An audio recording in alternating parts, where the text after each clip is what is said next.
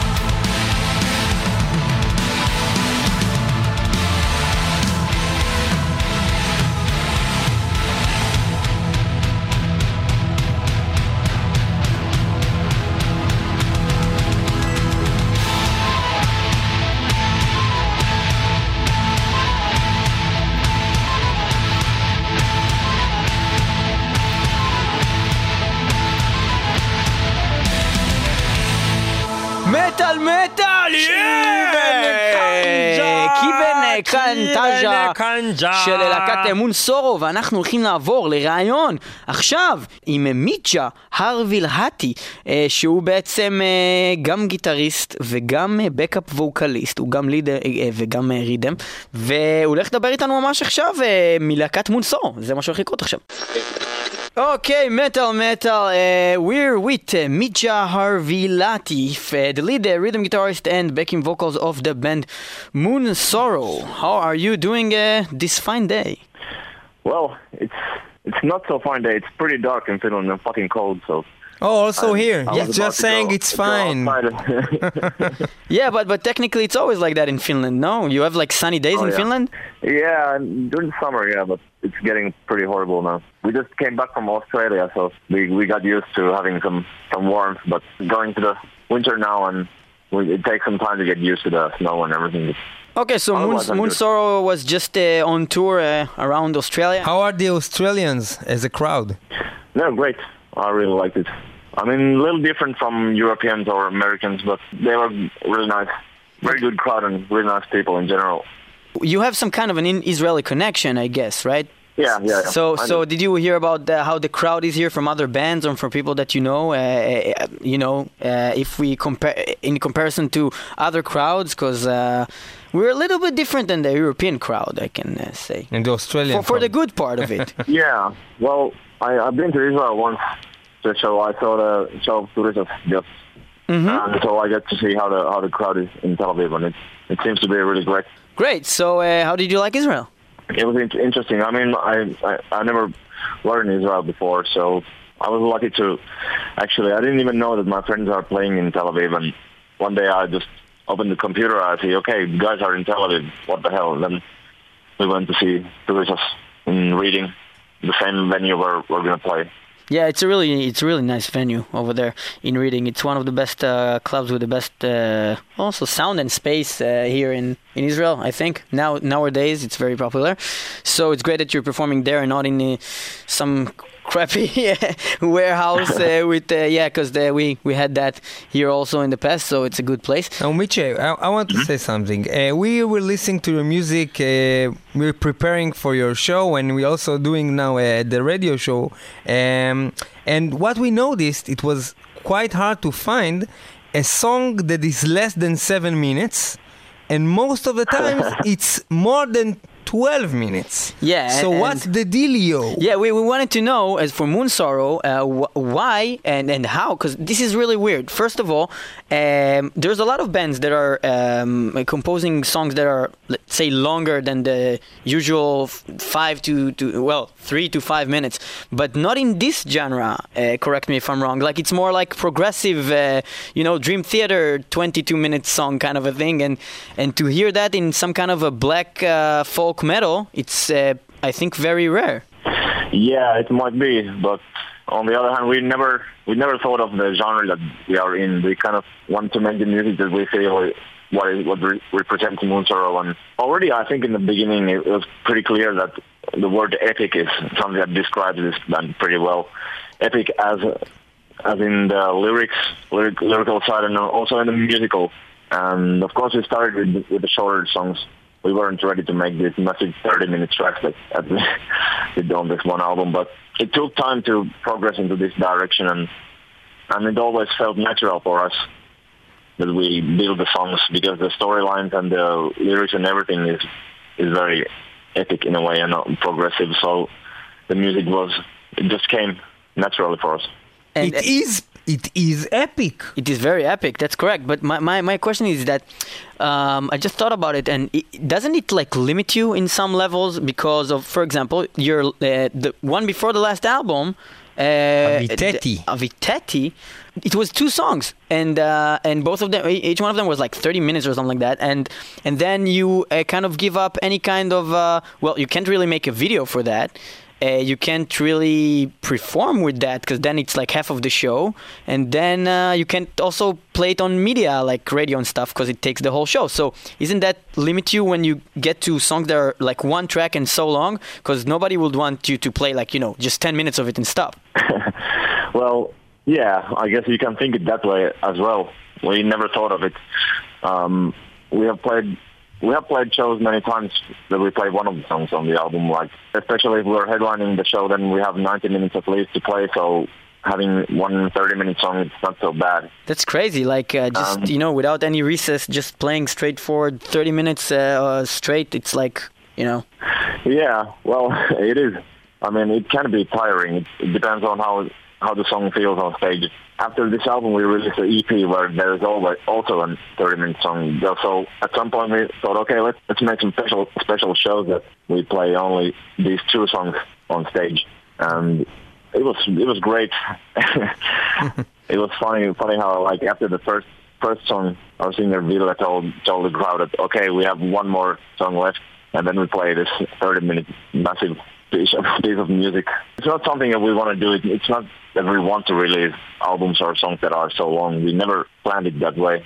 Actually, we wanted to make shorter songs before we started recording this album. And suddenly we realized that, oh, holy shit, the, just the build-up of the first song Yeah, already 'cause- 12 minutes. And it, It sounds Yeah. it sounds kind of funny. Like yeah, like you start to re- to you know to write something, and you're like you have like uh, those five minutes ready or six minutes, and then some other guy comes. No, no, no. I have an idea how we should add this like another three minutes, and then the other guy comes like, no, no, no. Listen, I have a ten minute part. We should get this into the mix, and like you know, like this comes to be like a. That's the way it happens? Yeah, That- how does it work? How, it how, how do you write a 30 minutes piece? Uh, is there someone who write it more than the others, or you all do it together?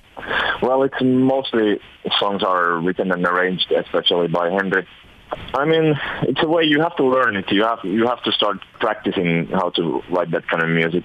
And when you when you know how to build up the tension and how to build up the progression in, in music, then you have to keep in mind that you cannot make you shouldn't make boring music. For some people, it, it can get boring pretty easily when the song is more than six minutes long. And I, I don't think it's for everybody even to listen to it. It was it was hard for also it was hard for us as a band to soak it in after finishing the record and really be able to listen to the music and not the production and everything. And it took maybe one year before I could listen to it and say that if if I like it or not. And it's very heavy, heavy experience. Okay, great. So we uh, would like to hear a song uh, which is called Kylän päässä or something like that. And uh, if you can tell us anything about uh, first, what does that mean in English, and uh, anything that you want to say about this specific song. I know what it means. Oh, you it know? means at the village's end. Is that, that's what you Yeah, find from Google correct. Translate? Yeah, I okay. found it in the internet. Yes, I don't know a word in this language. Okay, so yeah, that's that's finished. So uh, okay, so uh, what, what is that song about? Well, this song is from our second album, and it's a saga of two brothers who go lost in battle, and And they lost each other in battle. uh, yeah, pretty much. All right, so uh, Sounds good to me. sounds interesting. so uh, we'll go to that song, uh, Kylän päässä. Uh, from the album Voimasta Ja Kunniasta, which means Yes, of strength and honor from 2001. Iksha actually told you very good about that. It Thank sounded you. so not good. Thank you, thank you. I'm doing my best. okay.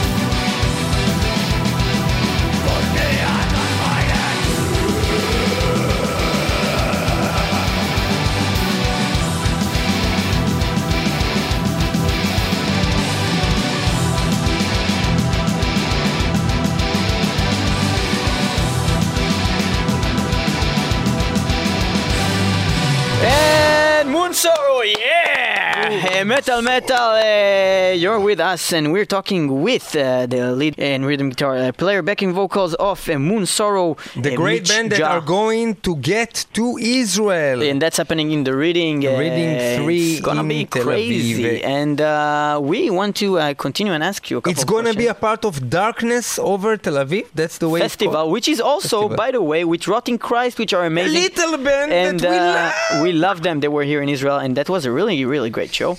And uh, did you perform with Rotting Christ in the past? No, we never did actually. And it's it's a great pleasure to for us to play with them and great honor since I think every one of them in the band have been a big fan of theirs for a very long time. Rotting Christ was and still is a very influential band for black metal and metal in general, I think. And we always wanted to tour with them, but now it's the first chance to share the stage. It makes sense, like to combine Moon Sorrow and, and Rotting Christ in a way. It's not the same type of thing, but it just uh, for me, uh, I couldn't think of like two bands that could come and be more, uh, I don't know, suitable uh, to Israel. Yeah, yeah, I agree. And uh, okay, you spoke about influences, so uh, that's gonna be my uh, next question. Um, what did you feel that influenced you specifically in your guitar uh, writing and playing uh, in music that you that you listen to? Well, of course, you, what where you get your influences first are very important. And for me, it was pretty much in stuff like uh, Guns N' Roses, Slayer, Metallica at first. That's where I picked up some of my techniques, some of my like guitar playing influences. Later on, I, I started to listen to a lot of brutal death metal and black metal in general, which is musically sometimes it's more important, sometimes not. But I think the Scandinavian black metal had a big influence on me. Bands like Enslaved, especially, and also other stuff like Pink Floyd, which I admired their musical skills very much. It's not metal or anything, but mm-hmm. I, I always, I never was so much about just listening to metal, but but musically, black metal was the biggest influence on me, and and some thrash metal bands. And Slayer what- was always my favorite band. Yeah, Slayer is awesome. I, I really understand what you're saying about Pink Floyd because I think that what you can learn from Pink Floyd is getting out of the box to think differently. Out of the uh, borders. when you write music and you can listen to, you can hear it a lot, a lot of your uh, cre- uh, things that you created and written and it's uh, that is more yeah. like experimental or, or something that you there no, is not like uh, really like you know uh, a certain pattern that you already know what's going to happen uh, it, it goes up and down and it's kind of like interesting so uh, in that Yeah. in that manner it, it kind of resembles a, a Pink Floyd uh, ish style but um, the thing is that I wanted to know what kind of black metal bands do you listen to like specifically that are more heavy because okay we understand the roots of your influences but is there any black metal band that you listen to today or is that something that you listen to in the past and you kind of not really listen to Well, these days black metal is something I, I kind of lost interest at some point in like early 2000s. I was always listening to, of course, these early black metal bands because I was growing up in the same same time when the second wave of black metal in Norway in the early 90s were coming up. And in 93, I started to hear all, listen to many of the bands, bands like Dark Throne and, and Emperor, all these all these bands that were getting big at the time. And in suddenly there was a moment that there wasn't so many interesting bands coming up anymore, and I didn't follow it for a long time. But now I realized just a couple of years ago that actually there's a lot of stuff happening and bubbling under the cover, so to say, like a lot of underground bands that are really good. For example, there are a lot of like death and black metal bands from Poland and Eastern Europe that I, I like. Of course, not the Nazi bands, but but many bands have something good to give musically, like MGLA, for example. I don't know how to pronounce their name, but there's some some music that you can hear that it comes from the same place as the early '90s music. It's not very technical or anything, but you have, it has a lot of atmosphere, and there are a lot of those bands, and I, I should really look deeper into them actually. so you're more into the kind of still old school approach with some some atmosphere than uh, than you know bands that are more into like only their sound and they're like uh, I don't know like kind of more Gojira Meshuggah kind of things. They're more like machine and less atmosphere. Yeah, black metal for me was always about the atmosphere. There can be really skilled musicians. They, their arrangements and compositions can be great, but it but it doesn't have to be stellar quality in terms of like musical production. The atmosphere is something that's much more important than if the drums are triggered and if the sound quality of, of the master is the best. As long as it delivers the message a lot of people that listens to black metal and to extreme uh, like subgenres of, of metal they have this thing that they are actually kind of against things that are produced well you know? So like a lot of people will not like Dimmu Borgir because it's very very produced. Overproduced. And then it's like not you know it's not black metal anymore. It's not so dirty do you, enough. do you find that Yeah. kind of thing uh, in your likes in, in black metal or is that something that is not relevant No, it's not so relevant for me. I don't. I don't think so. I, for me, Dimmu Borgir is not very interesting, but for other reasons, not not because of that. As long as it sounds good, I don't care. I mean, that's the thing. If if suddenly there is a very well produced, why not? If I like it, if it's good, then it's good, and it doesn't matter. But if if you make underground brutal death metal or something or black metal, especially that should sound really murky, then of course the production is better when it's really raw. All right, so we actually would like to listen to a song that kind of reminds us, in a way, uh, Dimmu Borgir in your music, uh, in a way, and uh, we love it. I, we think it's awesome, and the song is Teistelu Poajulasta, which I don't Okay. know. Wait, Niv, do you know what it means? Did you check it out? Uh, yeah, yeah, yeah, of course. well, the Google It Translate means tells us. the battle for Fojulo. Fojula. Just uh, what is Fojula? I don't know, but it's they they fought Ah, over it, it. It, it means like the north, northern battle, Ah, it battle just- in the Ah, it means north. Oh, the north. Ah, oh, so the- the battles battle in for the, north. Okay. and it's taken from the album Tulimyrsky. It's an album or EP? EP, right? Uh, that's an EP, yeah. yeah. Okay, it's the an actually Misty- it's an old, old demo song but Okay, and the last and it's, it's we did, taken to the EP re-recorded. from a from a demo, and uh, the Tulimyrsky it means Firestorm taken from 2008. We're gonna listen to it, and it's called. Teistelu Poajula. We're sorry, we're not very good in You, you need Finnish, to as you can it. see, Let, but we let love him that say song. it. Let him say it. Yeah. Go. It's called Taistelu Pohjolasta. Exactly. Oh, yeah, that's exactly, what we Exactly said. what okay.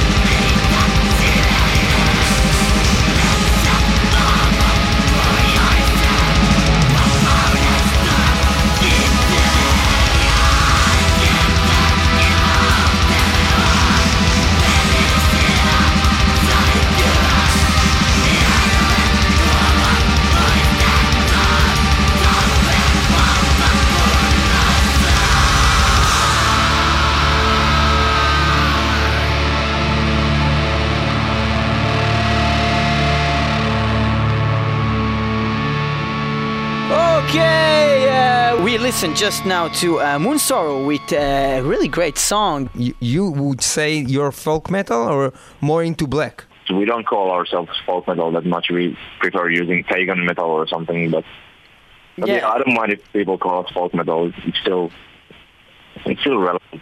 Okay, and how do would you describe pagan metal? What is pagan metal? Does it have any kind of uh, characteristics to the music, or is it more about the lyrics, lyrics that is the pagan? Well, it's of course more about the lyrics. Like you can you cannot tell how pagan pagan metal sounds like. Yeah, so so you cannot define it anyhow. But yeah, I mean, it's more on the lyrical side, more on the more on the spirit of of it. Do you have any kind of uh, beliefs in in pagan uh, uh, stuff and rituals, or is that some just, just something, something you that you to chose to yeah to to deal with in your uh, lyrics? Well, we don't have any. We're not the religious anyhow. But I, I, for myself, for example, I can say that the, the pagan cultures like used to be everywhere in the world. What is sacred for them is the nature. I don't believe in in higher beings like God. I'm pretty much an atheist, but mm-hmm. there's something holy and sacred for me that it's nature, and that's also the core of of paganism. Nature is where everything is born, and the whole cycle of it happens in within the nature, not in heaven or hell. And it's hard to explain really, but it, it has pagan metal. It has to do with also respecting the old cultures and old old traditions and the old beliefs in a way. And even though we don't always write our lyrics directly about these things, it, you can still hear it very well in, in the atmosphere of, of our music and in the lyrical context. And, and would you say that uh, we can hear a lot of nature in, your, in the recordings themselves, like sounds of water and wind and and uh, I don't know forest. And the atmosphere is very very perceived well. But uh, do you actually go and record in those places to get into the atmosphere? Because I know that a lot of bands are like kind of you know just go to some kind of a hut in the woods to get into the atmosphere and actually record there and stuff like that. Or is that something that you just bring into as an idea? and uh, bring the sounds from uh, somewhere else? Well, usually we're just we're bringing our own experiences and ideas and and those to the studio. But on the last album, we actually did village vocals for one week in a cottage in middle of the woods, and that was a very nice experience and very like productive as well. And we had a, we set up a really good studio in in a, in a summer house of friends of ours and, and, and really directly, I mean, in the middle of the woods, no shops, no nothing nearby, and it was great, great to record in, in the environment, and definitely something I would do again if, if it's possible. For guitars, I don't, I don't think it, it's necessary, but vocals definitely. Okay, so we would like uh, to listen to another song of yours. Uh, it's called Koilion Jarven Jala and uh, we, we would like to also know what uh, that means because this is a really really great song. Uh, now you have to repeat because for the first time your pronunciation pronunciation was so off that it, it was so off that you couldn't understand what I was saying. Koilion Jarven Jala. I think and it's then in something brackets, like, like Pakan oh, okay. Pakanavedet too. It means something yeah. like on the ice of Köyliönjärvi something like that. Yes. Okay, uh, Pagan yeah, yeah, Waters too, right? This song is the only only song that we have any real historical reference to it. Um, it's an old saga or epic of um, of a guy in Finland who opposed the Christian revolution. Um, he killed a bishop on the ice of this lake, and everybody knows this story in Finland. It's oh, that's a real piece of history. Th- that's something that actually happened. It happened. It happened in the happened in the middle Middle Ages, where Swedish bishops were started to tour in Finland and started baptizing people with swords, so to say. So, so like he's kind of a Christian, national hero and. He's a national hero uh, uh, because he defied the, the, the like the, the oppression. Yeah, that, that's the interesting thing about it because Finland is a very Christian country. Like 86% of the people are belong to the church, but still, the person in the song is kind of a, a symbol of of rebellion. Even so, even people who are re- religious, they kind of they respect him for what he did. That's interesting. But it, of course, in another context, but not because of because he killed a Christian, but because of defending his his rights and his views and his wife and whatever was supposed to happen in this, this story. Okay, so let's uh, listen to the song. All right.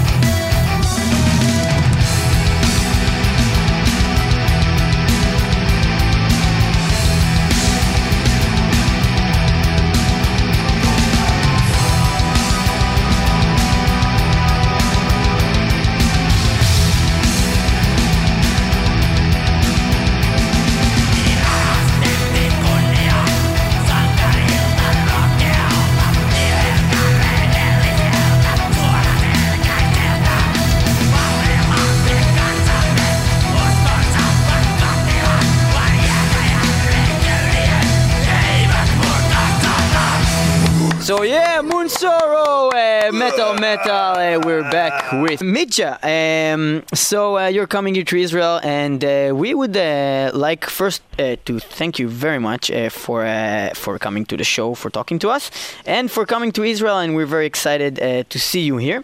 And what we wanted to do is actually to listen to one of your covers that you did to Metallica, "For Whom the Bell Tolls," and we wanted to know how did you choose that thing and why and, and it's a great and cover. it's a really really interesting uh, cover because you kind of made it your own way instead of uh, we always say in the show we always play a cover of something and that is, a lot of covers are just uh, somebody the plays thing the same with thing a different yeah voice. but this is actually really interesting so uh, we wanted to know your input about that specific uh, cover yeah it was actually it was Henri who brought it to us when we were rehearsing for some show and he came came to us like, "Hey, I, guys, I recorded something last night," and, and he had an idea of turning "For Whom the Bell Tolls" into a Moonsorrow version because he realized that okay, it's a song that it can be easily disformed into completely something else. Like you can keep the structure, you can keep all these elements, but you can change it in the way that it sounds more like Moonsorrow than Metallica. We were really thrilled about it. We forgot it for a couple of years, and then in 2005 after Verisäkeet album, we had some studio time left, and we thought, okay, we have to do something about it, and then we recorded this, and it got released only in 2008. Do any of the band members listen to Metallica these days? No, I don't think so. But but in a way, of course, it's Metallica is one of the most important bands in the world, and in metal, you cannot avoid being a Metallica fan if you were born in the early 80s or late 70s.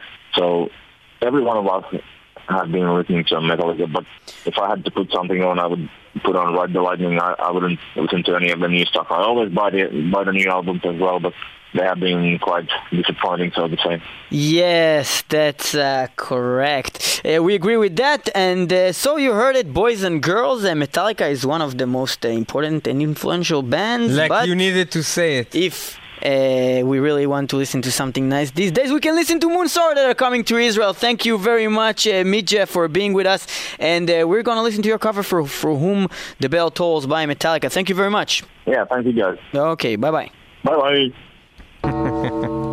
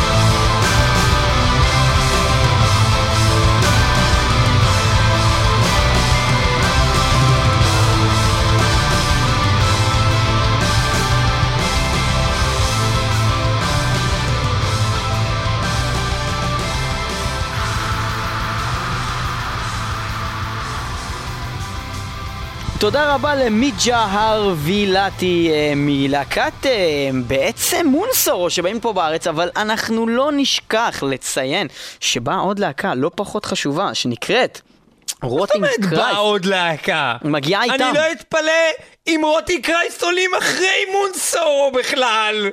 דארקנס, אובר, תל אביב. וזה Oh, קורה. להקת ישו, ישו הנרקב, ולהקת צער הסהר מגיעים לארץ לשבור כן. תפס, את הרידינג בתל. אביב, זה קורה ב-20 ל-12 וזה הולך להיות נפלא.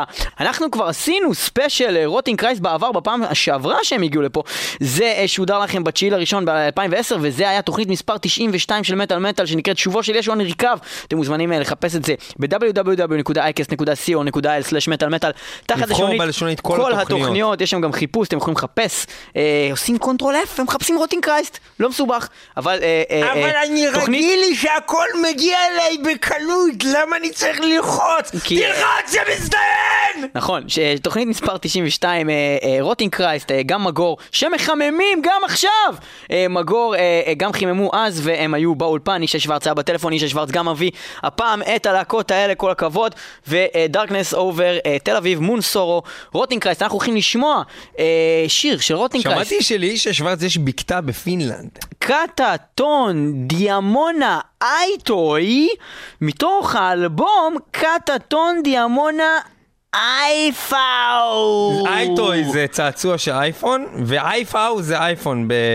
בקטטונית. בקטטונית. אה, וזה הכל כתוב פה במין יוונית מוזרה והכל לא ברור אבל הלהקה הזאת היא נפלאה והאלבום האחרון שלהם הוא אלבום פשוט מצוין שניגענו ממנו גם כבר שיר בעבר בתוכנית ואנחנו הולכים איזה לשמוע את שיר, השיר אתה הזה. זוכר? אנחנו ניגענו את השיר אני אגיד לך בדיוק עוד שנייה. פונצ'ו קטון!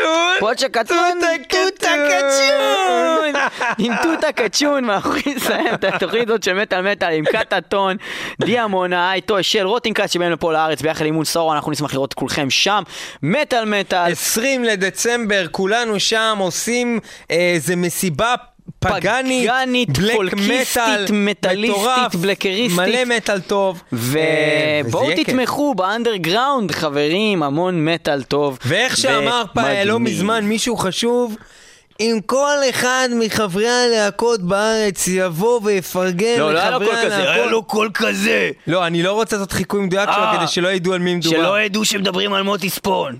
כן, אז מוטי ספון אמר בקול לא מוטי אחר ספון, מזה. מישהו אחר אמר. מישהו אחר, ספון.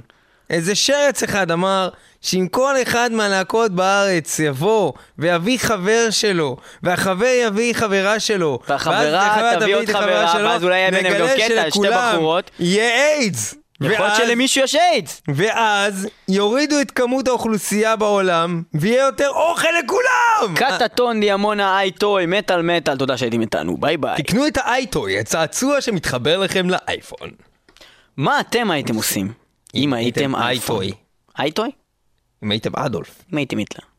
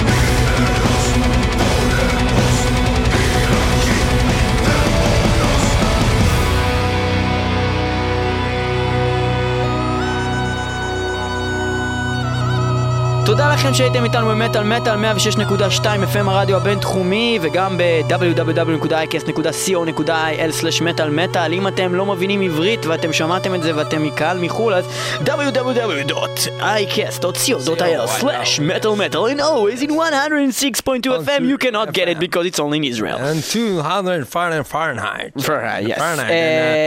הם קוראים, איך קוראים לזה? לא קוראים מטר, אלא איך קוראים לזה? מייל. Mile. מייל per hour.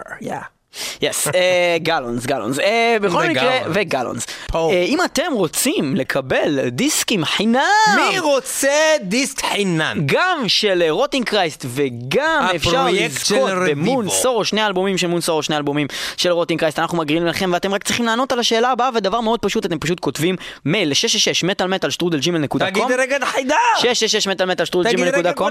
אתם כותבים את התשובה לשם, והשאלה היא, איזה אלבום של מטאליקה הכי מעדיף מידג'ה לשמוע? אם הייתה לו הזדמנות לשמוע אלבום של מטאליקה, איזה אלבום הוא היה שומע? את התשובה שילחו לנו ל-666 מטאל מטאל שטרודל ג'ימל נקודה קום 666 מטאל מטאל שטרודל ג'ימל נקודה קום כתבו לנו את שם האלבום של מטאליקה שמיטג'ה היה שומע אם הייתה לו עכשיו הזדמנות לשים אלבום ותוכלו לזכות אה, בשני אלבומים של אה, רוטינגקאסט של אלבומים של מונסור שאנחנו מגרילים לכם. אה, אנחנו נראה אתכם שם בפסטיבל, תודה שהייתם איתנו אה, ויהיו איתנו גם בשבוע הבא מטאל מטאל זה אדיר.